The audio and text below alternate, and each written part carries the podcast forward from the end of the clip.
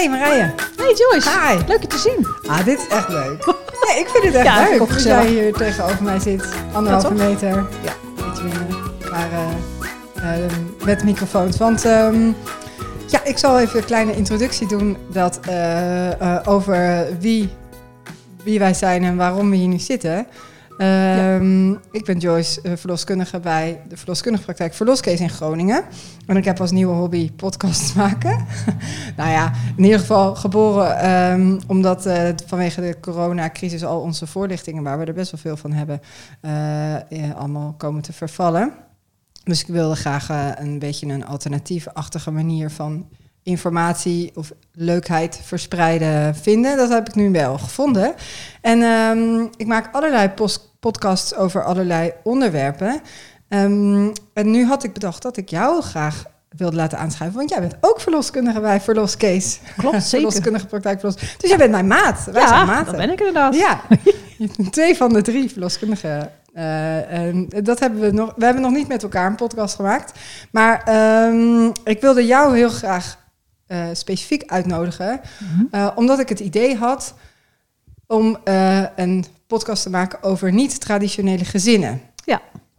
En dat is sowieso vet interessant. Maar ook dan natuurlijk een beetje in het licht van, eh, ehm, eh, van de verloskunde of van de gezondheidszorg misschien. En hoe, Mhm. dat, eh, nou, hoe dat nu is als je in een niet-traditioneel gezin geboren wordt of dat runt.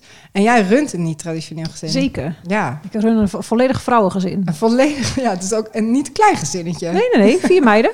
Zes vrouwen dus in totaal. Ja, jij bent getrouwd met, eh, met Juno, met je vrouw. Ja. En je- jullie hebben samen vier dochters. Ja, dat klopt. Ja. Ja. Dus dat is eh, niet eh, traditioneel. Dat is zeker niet Ik weet eigenlijk niet wat wel traditioneel is. Ik denk man, vrouw, zoon, dochter, labrador en een station wagon. Dan eh, kom je heel dan eind. heb ik wel een aardig, Ja, aardig traditioneel gezin. ja, precies. Nee, ja, dat, eh, eh, ik denk ook dat dat het is. In de reclame is dat ook altijd zoiets. En vader, in ieder geval vader, moeder en... twee kinderen. Ja, twee. Ja, precies. Ja. En dan nog misschien een hond. Ja. Een hond. Of een huisdier. En een Volvo. Ja, ja, die, ja. Op. Nou, zoiets. Klaar. Ja. Ja. Maar wij zien natuurlijk steeds meer, en want ik vind dat heel leuk om eh, daar met jou eh, over te sparren, dat we in de praktijk ook wel steeds meer niet-traditionele gezinnen zien. Ja, precies. Ja, dat is natuurlijk van alles. Hè. Niet alleen twee moeders, maar eh, je hebt ook al gezegd, hè, twee vaders met een draagmoeder. Ja. Eh, we hebben natuurlijk ook regelmatig alleenstaande moeders. Ja, bewust. eh, bewust alleenstaande hè, moeders of jonge meiden die, eh, Ja. hè, die alleenstaand worden in de zwangerschap. Eh, en natuurlijk veel samengestelde gezinnen ook. Hè? Mensen die met een nieuwe partner opnieuw kinderen krijgen. Zowel voor een vrouw als voor een man geldt dat natuurlijk. Hè, dus dat je in een gezin oudere kinderen hebt van 15 Ja. en 13 en dan nog een baby. Ja, of zelfs nog ouder soms zelfs. Ja, precies. Ja. Soms al volwassen kinderen. Ja, Ja, dus eigenlijk heel veel niet traditioneel, denk ik. ja. Hè? Ja. En, eh, nou zijn wij nog niet zo oud dat we nu ook kunnen zeggen steeds meer niet-traditionele gezinnen. Want we, zo lang we nou ook weer niet mee. Maar dat, dat is denk ik wel echt een beetje zo. Ook als je naar de cijfers Ja. kijkt, toch? Dat er steeds meer... eh, Ik denk ook helemaal als je het aantal echtscheidingen bekijkt Ja. natuurlijk. Ja. Eh, Ja. En mensen die dan een nieuwe relatie krijgen en toch nog graag een kindje samen willen. Ja, Ja, ja precies. Ehm, We hadden het natuurlijk voordat we op de aanknop van de podcast drukten al even een soort beetje heel even kort eh, voorbereidend praatje. En toen zei ik al dat ik eigenlijk wel benieuwd ben, zowel eh, ehm, met jouw verloskundige pet op als eh, niet traditionele moeder. Laten we het maar zo even blijven noemen, maar je weet wat ik bedoel. Mhm. Ehm, of er dan dingen zijn waar je tegenaan bent gelopen. Eh, wat betreft zwanger zijn of bevallen of daarna. Of gewoon vooral rondom het krijgen van je kinderen. ja precies. Of toen je vrouw zwanger was. Ja, ja want wij zijn eh, allebei eh, zwanger geweest, om en om. Dus ik heb onze tweede en vierde dochter gekregen. Mijn vrouw heeft onze eerste en derde dochter gekregen. En onze kinderen hebben allemaal dezelfde donorvader, donor of vader. Het is maar net hoe je het wil noemen. Dat merk ook dat onze kinderen daar een verschil in hebben. Qua hoe ze het noemen? Ja, precies. Ja. Eh, er zijn twee die zeggen, ja, het is een soort van vader, want hij is niet met jullie getrouwd en jullie zijn niet verliefd op hem. En er zijn twee die echt volledig papa zeggen en helemaal eh, Ja, ja. hem adoreren, zeg maar ook. Ja. Ehm, dus, eh, en dat is ook prima, want wij vinden dat de kinderen dat degene zijn die aangeven hoe ze het willen hebben. Ja. En wij hebben dus ontzettend veel geluk gehad, want wij werden eigenlijk nou, bij alle kinderen eigenlijk gelijk zwanger de eerste keer. en het is natuurlijk gewoon niet voor iedereen weggelegd. Hij vindt Isma dus een donor. Ja, precies. In Nederland kan je überhaupt niet ehm, meer anoniem eh, een donor hebben. Nee. Dat kan in België nog wel. Je kan in België wel nog eh, anoniem donorzaad eh, krijgen. Ja, Ehm, precies. en misschien in andere landen ook nog. ja, ik denk dat het, eh, Ja. dat zal op eh, meerdere landen anders Maar zijn. Maar in Nederland eh, heb je dus eigenlijk geen omgekeerde donoren meer. Wat niet betekent dat je altijd een betrokken donor hebt, maar wel dat je kind op een bepaalde leeftijd gegevens krijgt. En wat heeft ook betekent volgens mij dat er minder donoren zijn. Ja. Ik denk wel dat het inderdaad minder is geworden sinds het niet meer anoniem kan. Ja. Ehm, nou, in de zwangerschap waren wij eh onderzocht bij bekende verloskundigen, dus die natuurlijk ons gewoon kenden. Dus dat gaf niet echt problemen. Nee, die wisten al. Die ja, die wisten de ja, jij situatie. mee En, samen. eh, ja, het is Ja. vooral, nou, ik weet nog wel het eerste moment dat onze oudste dochter geboren werd en dat ik een geboorteaangifte ging doen. Je krijgt bij de gemeente zo'n mooi vel eh, met ballonnen. Tegenwoordig is het geloof ik een beertje. met de naam van je kind erop, met de ouders. Oh, En in dat geval stond er alleen maar de naam van mijn vrouw op, want dat was degene die mijn, Oh. de- onze oudste dochter gebaard heeft. ja. En dat deed eigenlijk heel veel pijn, want ik was ook ouder geworden.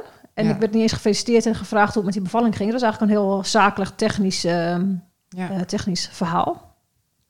Nou zou dat natuurlijk in theorie ook zo kunnen zijn gegaan als er een man was gekomen die, want je weet, het hangt ook maar net vanaf wie je achter dat balietje treft. Eh, niet dat, hij, dat het leeg is op het formulier, maar wel dat het soms een beetje zakelijk is en eh, Ja, dat die kan goed hoor. felicitaties kunnen uitblijven. Ja. Maar ik was Maar gewoon bij jou voorbereid kwam dat- op gewoon ja. van nou weet je, ik ga samen Mooi met mijn moeder moment. mijn kind aangeven, mijn Ja. eerste kind. Ik was hartstikke trots en dan was er weinig eigenlijk. Nou, Ja. En dan ook nog zo'n formulier wat je krijgt. En dat ik zei, Ja, joh, maar precies. Dat wel kan mijn naam er niet meer op? Nee, dat kan echt niet, want het is officieel papier. Nou ja, dat gaat natuurlijk nergens over. De meeste mensen gooien waarschijnlijk in de prullenbak. Ja, maar in, in Comic het had, eh, het. precies, had gewoon echt, eh, voor mij had het veel waarde. En gelukkig hadden we een vriendin die eh, wat gesleuteld heeft en hem alsnog uitgeprint heeft met mijn naam erop. Oh ja? Ja. Dus dat is echt heel fijn. Ehm, maar en je wordt dus niet overal als volwaardige ouder aangezien voor je gevoel. Hè? Dus de, ehm, eh, als je bijvoorbeeld bij de kinderarts zit en dat, dat iemand dan vraagt dan wie is dan de echte moeder. Oh ja. Of dat ze bij het consultatiebureau elke keer weer over beginnen dat er twee moeders zijn. Dat je denkt, eh, ik snap wel dat het niet standaard is, maar zo voel ik het eigenlijk niet meer. Hè? Nee. Ik bedoel, mijn kinderen gaan naar school, we gaan naar de camping, we leven gewoon ons leven. En eigenlijk is het nooit een probleem, maar op sommige momenten wel. Hè? Als je op Ja. de camping staat en eh, mensen gaan vragen stellen of aan de kinderen vragen stellen, wie is dan je echte moeder? Of eh, Ja, ja. ja, je bent je eigenlijk niet bewust van dat je niet traditioneel bent Nee. totdat je in een vreemde omgeving bent. Ja, waar mensen jullie niet kennen misschien of zo. Hè? Dat Precies. het ook, ja. Ja. Ehm, nou, en eh, wat ook gewoon lastig was, is dat eh, bij de tweede was ik zwanger. En wij zijn getrouwd. En in, in Nederland is gewoon de afspraak: als je binnen één gezin meerdere kinderen krijgt, krijgt elk kind de achternaam die de oudste, de oudste kind ook heeft. Maar dat heeft denk ik wel anderhalf uur geduurd voordat ze dat snapten bij de gemeente Groningen. Dus eh, ja, het- hoe kon het nou Oh dat dit kind dan een Bij het aangeven? Of Nee, nee, het was bij de, zeg maar, van tevoren. Ja, ja. eh, Oh, dat we de achternaamskeuze gingen regelen. Ja. Eh, en daarnaast was het natuurlijk zo dat de wet er nog niet echt op ingesteld was. Eh, toen onze oudste dochter geboren werd, die is eh, geboren in december 2008. eh, was het nog zo dat ik haar moest adopteren. Anders had, ik, had ze voor de wet maar één ouder. Ja. Wat mij natuurlijk geen rechten en geen plichten zou geven. Ehm, dus dat betekende ook dat we toch een best een dure zitting hebben gehad bij de rechter met een advocaat. En de Oh, kinderbescherming die daar ook bij aanwezig was, die ging dus beslissen of het wel of niet een, eh, een puik idee was. Ehm, en dan kom je bij, eh, ja, volgens mij gezinsrecht, waar ook ouders die echt eh, die gaan scheiden, eh, het, Ja. de voogdij samen verdelen, dat soort dingen. Ehm, en toen ik zwanger was van onze tweede, zou er eigenlijk al de erkenning doorkomen. Zoals het bij natuurlijk bij mensen die samenwonen ook geldt, Ja. hè, voor hetero-stellen. Ehm, en dat bleef heel lang uit. Oké. Die- Ehm, dat het ver- veranderd zou worden. ja, want eh, zeg maar in het jaar dat ik zwanger was van onze jongste, dat- ze is in 2015 geboren, maar in 2014, volgens mij 1 april 2014, is erkenning voor Ja, de meemoeder, zoals je het dan noemt vaak, eh, eh, geregeld. En dat hield dus in dat onze twee middelste kinderen, in, dus, die zijn van 2010 en 2012 ehm, tot 2014, geen eh, twee ouders voor de wet hadden. Zo, dat is best lang ook, hè? Ja, want wij dachten, het komt eraan, weet je, gaan we dan nog zo'n adoptieprocedure aan? Dat leek ons gewoon niet handig. Nee. Dus, eh, en toen konden we het gelukkig met terugwerkende kracht voor ze alle, alle twee regelen. En de jongste is gewoon in de zwangerschap erkend door mijn vrouw. Dus dat Ja, was gewoon dat goed geregeld toen. van tevoren Ja. al. Ja. Ja. Maar ja, ik heb ook wel eens met een vriendin eh, aan de telefoon gezeten die haar eerste kind ging aangeven. Ook al een lesbisch stel, die echt helemaal in paniek was. Want die, eh, die eh, ambtenaar van de burgerlijke stand, eh, die zei dingen die niet klopten. En waar ze dus helemaal van in paniek raakte Ja. over de achternaam en Ja. dat soort dingen. En dat je dan toch merkt dat mensen er te weinig verstand van hebben. Ja, ja misschien ook omdat het eh, ehm, ook een tijd geleden, het, het komt nu misschien, omdat het ook gewoon nog niet zo vaak voorkwam. Ja. Misschien, hè? Dat, dan heb je één eh, ambtenaar die het ooit een keer gezien heeft en, daarna, en daar, werken er twintig van. Ja. En iedereen, als iedereen het ooit één keer of nul keer heeft gezien, dan blijft het, al, hè? dus hoe vaker het nu misschien eh, gebeurt, Ja, precies. eh, hoe meer bekendheid het krijgt, hoe minder ingewikkeld het misschien zal zijn. Maar dat zou natuurlijk niet zo moeten. Nee, precies. Nee. Je voelt je gewoon een beetje alsof je de enige bent en dat mensen het niet snappen. Terwijl Ja. er echt in Groningen heus wel meer eh, het niet-traditionele gezinnen zijn die het Ja. op deze manier moeten Ja. doen. Precies. Ja. Dus dat, dat, en dat heeft, want ik weet, ik ken jou ook al uit die tijd, want wij hebben samen op de opleiding eh, Mhm. eh, gezeten. En ik weet dat dat, dat, dat toen inderdaad, dat je daar, dat dat eh, iets is waar, wa- wat je al, eh, ja, dat klinkt alsof ik daarover verbaasd ben, dan ben ik niet, maar wat je echt aangreep, hè, waar je echt Ja, mee bezig precies. was en je druk. eh, Ja, niet volwaardig, eh, Nee. niet volwaardig ouder voelen. En ik was in die tijd, eh, werkte ik als verloskundige in het UMCG. En dan kreeg ik ook stellen waarvan de man niet vruchtbaar was. En die dus ook de vrouw met donorzaad zwanger was geworden. Mhm. Maar die man had alle rechten die Ja. een, een getrouwde vader had. Terwijl Ja. ik dacht, ja, ik ben een getrouwde moeder. Het is niet mijn biologische kind. Maar Nee. ik heb dus net zoveel rechten als jij. Maar zo werkt het dus niet in Nee. de Nederlandse wet. en alleen omdat je geen zaad hebt aangeleverd. Precies. Ja, precies. Nou ja, ja, toch? Ja. Ja, nee. En ehm, dat is natuurlijk één, eh, want we hebben ook in de praktijk nu wel eh, regelmatig eh, lesbische stellen. Ja. Ehm, maar ja, ik heb ook eh, inderdaad wel eens ook twee mannen gehad. Dat is natuurlijk een heel ander verhaal. Maar ik weet dat die, eh, ehm, en die hadden inderdaad een draagmoeder. En ik heb ook een keer een draagmoeder in de praktijk gehad. Maar dat was inderdaad ook met een heel, vooral juridisch ook Ja, een ontzettend, ontzettend eh, ingewikkeld. Ja, ja. Mannen hebben dat wat dat betreft nog lastiger. En Ja. ook mensen dus die een draag, draagmoeder hebben. Ja. Ja, dat werkt. eh, ik weet eigenlijk niet zo goed hoe het zit met eh, een hetero-stel als een draagmoeder heeft. Of dat dan ook nog juridisch heel ingewikkeld is. Want het kan natuurlijk zijn dat die draagmoeder wel zwanger is van de eicel Ja, eh, precies. van de eh, moeder die het kind niet kan dragen. ja, Maar of het dan juridisch ook anders werkt, dat weet ik eigenlijk niet. Nee, dat, dat weet ik ook eerlijk gezegd niet. Maar Nee. ik weet wel dat het een. eh, ehm, dat vooral ook het begeleiden van de draagmoeder dat en met de ouders van het kind, hè, dus de, de zwangere, maar dan ook het stel die, bij wie het kind, van wie het kind ook biologisch wel was en waar het naartoe zou gaan als het geboren was, dat het wel echt een ingewikkeld, eh, dat ik dat wel intensieve begeleiding vond. En dat ik dat en dat ik me er ook heel erg bewust van was, net zoals eh, dat het niet traditioneel was, dat is logisch, want het staat voor je neus. Maar ik vond het wel. ehm, eh, ik dacht ook, hoe hou ik iedereen in zijn waarde? Hè? Dat, daar was ik toen wel ook heel erg mee bezig. En, eh, want de ouders die hun kind krijgen zijn, hebben, hebben eh, kijk, zolang die baby in de buik van de draagmoeder zit, is het natuurlijk, ja, bestaat die baby eigenlijk niet. Dat is Mhm. wel zo, hij bestaat wel, maar Ja. ja, juridisch gezien is de, degene bij wie het in, het in de buik zit, die is verantwoordelijk, die mag de keuzes maken. Eh, alleen heeft een ander stel daar misschien dan, eh, dat heeft gevolgen voor hen als zij bepaalde keuzes maken. Ja, precies. Van wel of niet een bevalling inleiden, of ik zeg maar wat. Hè? Dus, Mhm. eh, want dat heeft wel gevolgen, ook misschien wel voor de baby. Ja. En dat gaat dat andere stel wel heel erg aan. Dus het is altijd al zoeken naar.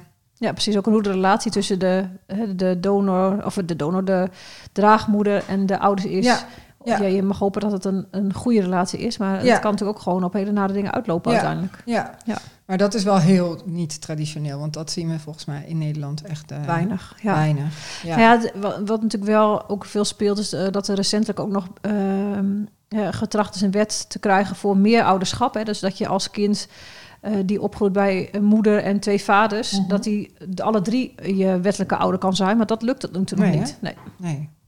Ook wel jammer is, want volgens mij is dat, komt dat ook wel, hè, dat eh, een homo-stel en een lesbisch stel samen Ja, precies. biologisch een kind krijgen en ook alle, alle vier voor hem of haar zorgen. Ja, En dan hè? kun je dus nog steeds maar twee ouders voor de wet hebben. Ja, ja. Ja. ja. Wat dus ook bete- betekent dat, hè, dat, eh, dat, dat die andere ouder dus in principe juridisch niks in te brengen heeft. Nee, want eh, op papier bestaan die helemaal niet. Nee, Nou ja. zolang het allemaal koek en ei is met die Ja. stel, is het natuurlijk prima. Maar zodra die ouders uit elkaar gaan, dan heb je wel een probleem als niet Ja. eh, ouder van dat kind. Ja. Maar goed, dan heb je nog iets als family life, hè, waar de rechter dan over beslist. Maar Jawel, maar... ehm, Hey, en, en vanuit je verlos, met je verloskundige eh, pet op, heb Mhm. jij dan, hè, want ja, dit is dan wat ik dan bijvoorbeeld eh, als voorbeeld aanhaal, wat ik een indrukwekkende begeleiding vond toen met die draagmoeder. Maar heb jij zelf ehm, met je verloskundige pet nog dat je dingen anders, de- dat je denkt dat je dingen anders doet dan eh, een, een andere verloskundige? Nou, ik denk het niet. Wat wel natuurlijk scheelt, is dat, dat, dat mensen ehm, weten dat, dat ik, ik. Het grappige is dat ik de meeste lesbische stellen tot nu toe bij ons in de praktijk toevallig eh, krijg. Het is niet zo dat je bij je aanmelding meldt van Nee. hey, ik heb een vrouwelijke partner. Nee. Dus toevallig komen de meeste mensen bij mij. Ehm, dat mensen ook achteraf wel eens aangeven goh, eigenlijk heel fijn, want hè, je weet hoe het zit. Je, we hoeven niet elke keer alles uit te leggen. Ehm, eh, bepaalde vragen die andere verloskundigen misschien uit nieuwsgierigheid of hè, uit, op de rechte interesse ja. stellen, doe je niet. Ehm, en ik probeer ook altijd de niet-zwangere partner er heel erg bij te betrekken, want het is ook haar kind. Ja. En eh, het is fijn dat je ook al in zwangerschap voelt dat het- dat, dat zo is. Ja, maar dat doe je toch bij een man ook wel? Jawel, maar dan is het gewoon een soort van automatisch of zo. Ehm, de- ja, want je bent de vader van dat kind. En je bent natuurlijk ook als niet-biologische moeder de moeder van het kind. Alleen Ja, je hebt ja, genetisch precies. niks met die baby. Hè? Zo, zo eigenlijk. Ja. En eh, ik merk wel dat, dat het me opvalt. Hè, bijvoorbeeld bij, nou ja, toen ik net bij Vloskees kwam werken, eh, hadden wij natuurlijk eh, de, op, de, op ons bord de voorlichtingen staan. Waarbij de, bij de bierenbitten al stond alleen voor mannen. Ja. Dat ik dacht, ja, dat kan natuurlijk niet. Want Nee, als er vrouwelijke partners komen, dat zijn er Nee. niet. Ik bedoel, niet bij elke voorlichting zitten er tien. Nee. Maar wel regelmatig één of twee. Ja, dat dus is dat, een eh, ehm, voorlichting bij ons in de praktijk die ik eh, al eh, een tijd geleden heb opgezet in de kroeg over voor partners, zoals we hem nu noemen. Maar toen Ja. was het voor man only. precies. Eh, hè, dus zonder je zwangere vrouw om eh, even wat te horen over hoe werkt nou een bevalling en wat kan je dan doen. Ja. En dat, dat, ja, dat, is, dat was te gek dat jij dat eh, zo meteen invloog toen, toen je bij ons kwam werken. Omdat ik had daar ook gewoon echt niet over nagedacht. En Nee, precies. En dat is op zich natuurlijk logisch. Maar ik merk wel dat dat, dat, Ja. dat is een soort van dingetje. Dat, dat ik daar altijd op aanga, zeg maar. Ja, ja want jij kan ook in een, in een wij doen ook eh, als we teksten schrijven voor op onze website of in onze, eh, nou maakt niet uit, eh, folders of whatever, dan zijn we ook altijd, be- dus nu ook best al wel heel ehm, eh, oplettend op dat er partner staat hè, en niet Ja. de vader of Hij. hij. Mhm. Maar jij, jij weet altijd wel ergens nog een eentje eruit te vissen. Ja, precies. Nee, dat is dus hartstikke, dat is echt gek. Ja, Ja. want het is gewoon, ja, nou, weet je, als je er niet mee bezig bent, dan zie je het niet. En dat klopt natuurlijk, dat is heel logisch. Maar als je er wel mee bezig bent, en het, eh, ja, het is niet irritatie, maar gewoon, je weet hoe het voelt als je niet, Ja. al, hè, niet serieus genomen wordt in die rol, als, als ook volwaardige ouder, dat het gewoon eh, vervelend is. Ja. Ja.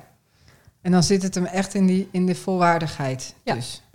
Ja, je werkt natuurlijk bij ons in de praktijk, maar zijn er nog andere plekken, of bijvoorbeeld het consultatiebureau, of zijn er nog dat je denkt van jeetje, dat eh, daar zou nog, of bij de huis, weet, weet je wel, bij de huisarts, of ehm, wie, waar, tegen wie zou je nog wel eens willen zeggen, joh, er zijn ook echt nog heel veel andere soorten gezinnen.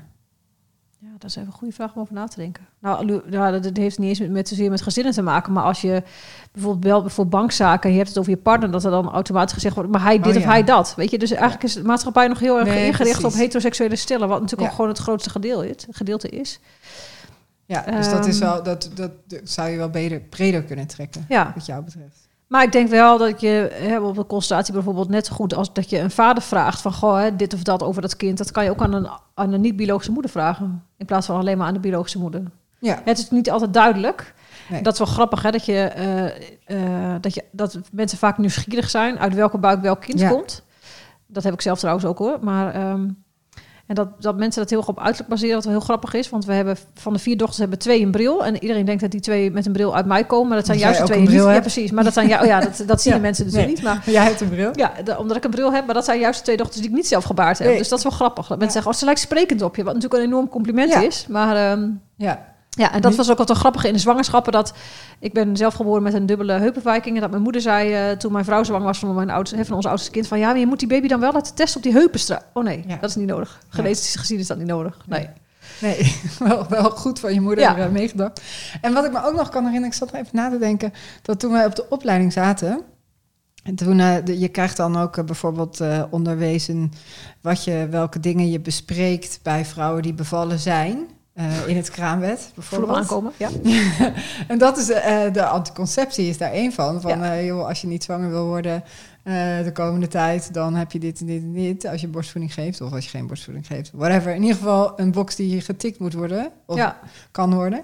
En ehm, dat, heb, ik dat, dat heb ik echt nog onthouden van eh, toen 15 jaar geleden. Dat jij dan toen zei van ja, het is wel handig om daar even over na te denken aan wie je dat eh, vertelt. Want precies. Dat je niet je standaard je riedeltje afgaat bij twee vrouwen.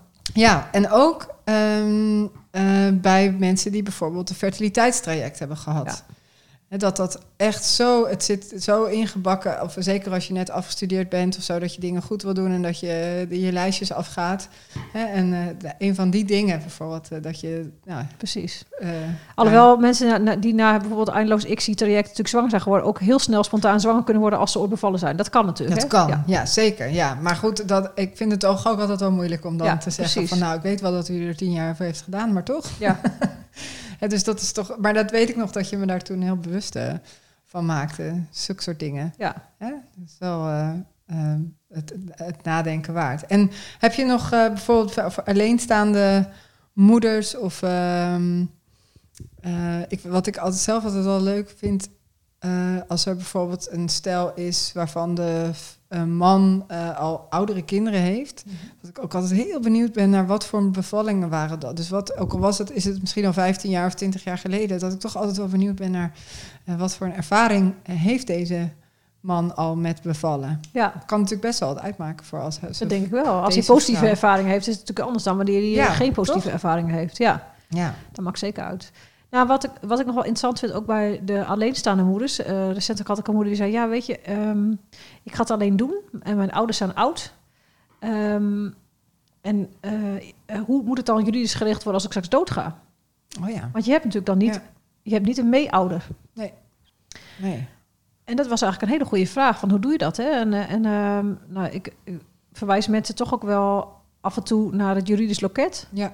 Omdat dat toch, eh, bijvoorbeeld, ik had laatst een stel van Schier... en die hoopte eigenlijk dat ze hun kind op Schier konden aangeven... Hè, als, als, als eilander, zoals het Ja. dan heet... als je op Schiermonnikoog uh, Terwijl die niet op gewoon in eh, in Schier geboren Nee, hij zou in Groningen geboren ja. worden.